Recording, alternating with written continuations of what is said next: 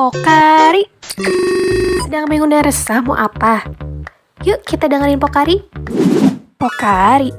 Ya podcast keluarga psikologi dong.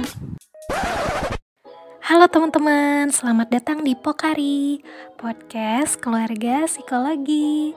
Nah, di episode kali ini tentunya Pokari bakalan bawain sesuatu yang fresh nih ya teman-teman. Karena aku sama Zebin di episode kali ini bakalan ngebahas tentang film-film yang berkaitan dengan psikologi ya. Ini bisa jadi rekomendasi nih buat teman-teman semua yang uh, mungkin gabut atau mungkin kayak lagi bingung nih mau nonton apa gitu kan. Tapi anak psikologi pengen yang kayak relate-relate gitu atau apa nih. Pokoknya teman-teman kalau pengen nonton atau, atau cuma denger doang juga nggak apa-apa sih gitu ya nggak nonton bisa banget dengerin uh, podcast ini sampai akhir ya karena tentunya kita bakal ngasih info-info tentang film-film yang lagi uh, cukup happening dan mungkin teman-teman juga sering denger ya tentang film yang berkaitan dengan psikologi ini.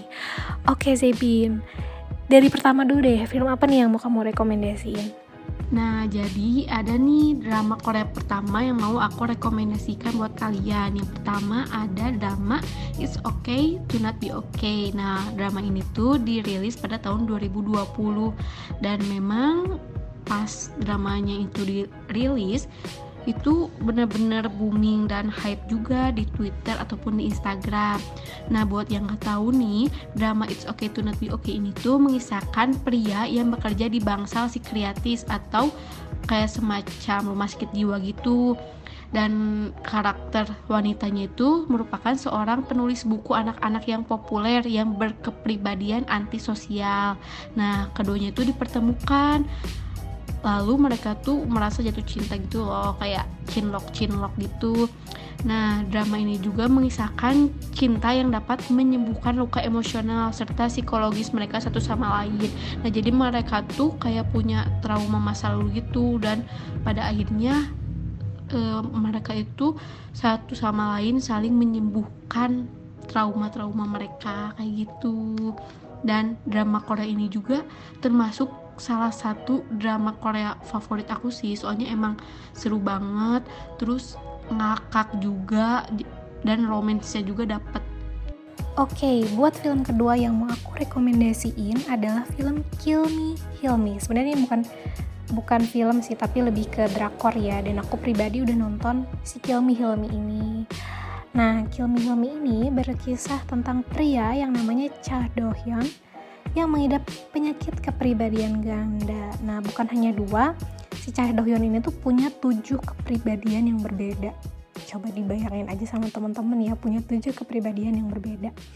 Nah, mulai dari anak kecil, terus ada pria setengah baya, pria kejam, terus hingga pemuda 17 tahun yang ingin bunuh diri gitu.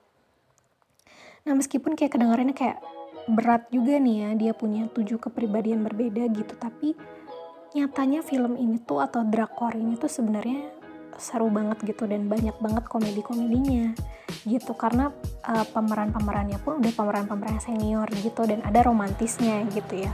Romantis dari film ini tuh adalah ketika si Cha Dohyun ini dia ada hubungan sama dokternya dokter jiwanya itu. Jadi teman-teman harus nonton banget deh karena ini salah satu drakor yang menurut aku the best gitu dan nggak uh, hanya deg-degan aja nggak hanya sedih tapi ini juga lucu banget gitu loh. Jadi si karakter karakternya itu bisa ngebawa kita tuh jadi kayak terhibur aja gitu.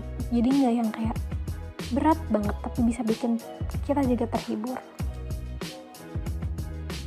Nah, teman-teman, sekarang aku mau merekomendasikan serial Netflix nih yang berjudul 13 Reasons Why. Kan tadi aku merekomendasikan drama Korea. Nah jadi sekarang buat temen-temen yang merasa lebih tertarik ke film-film western gitu kalian bisa banget nih co coba tonton si 13 Reasons Why ini atau 13 Reasons Why.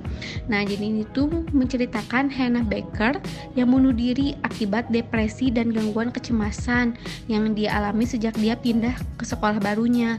Nah, jadi di sekolah barunya ini tuh si Hannah sering banget dibully sama teman-temannya. Hannah ini menceritakan kisahnya melalui 13 kaset yang ia rekam beberapa minggu sebelum ia memutuskan untuk bunuh diri. Dan Hannah juga membagikan 13 kaset itu kepada orang yang menjadi alasan mengapa ia memilih untuk bunuh diri. Nah, kalau dilihat dari sinopsisnya, film ini tuh berkaitan dengan ke isu kesehatan mental juga ya. Jadi buat teman-teman yang merasa tertarik dengan film-film yang terkait dengan isu kesehatan mental bisa banget nih film 13 Reasons Why ini tuh dijadikan bahan buat tontonan kalian kalau kalian bosen oke okay? Oke, okay, yang terakhir yang mau aku rekomendasiin adalah The Good Doctor. Nah, ini tuh The Good Doctor ini tuh merupakan drama tentang psikologi yang menceritakan tentang karakternya yang namanya Sean Murphy yang dia tuh memiliki tujuh savant syndrome dan autism dan dia itu bekerja sebagai koas bedah di Amerika dan sangat cerdas dan mampu membuat semua orang itu terpukau sama kecerdasannya.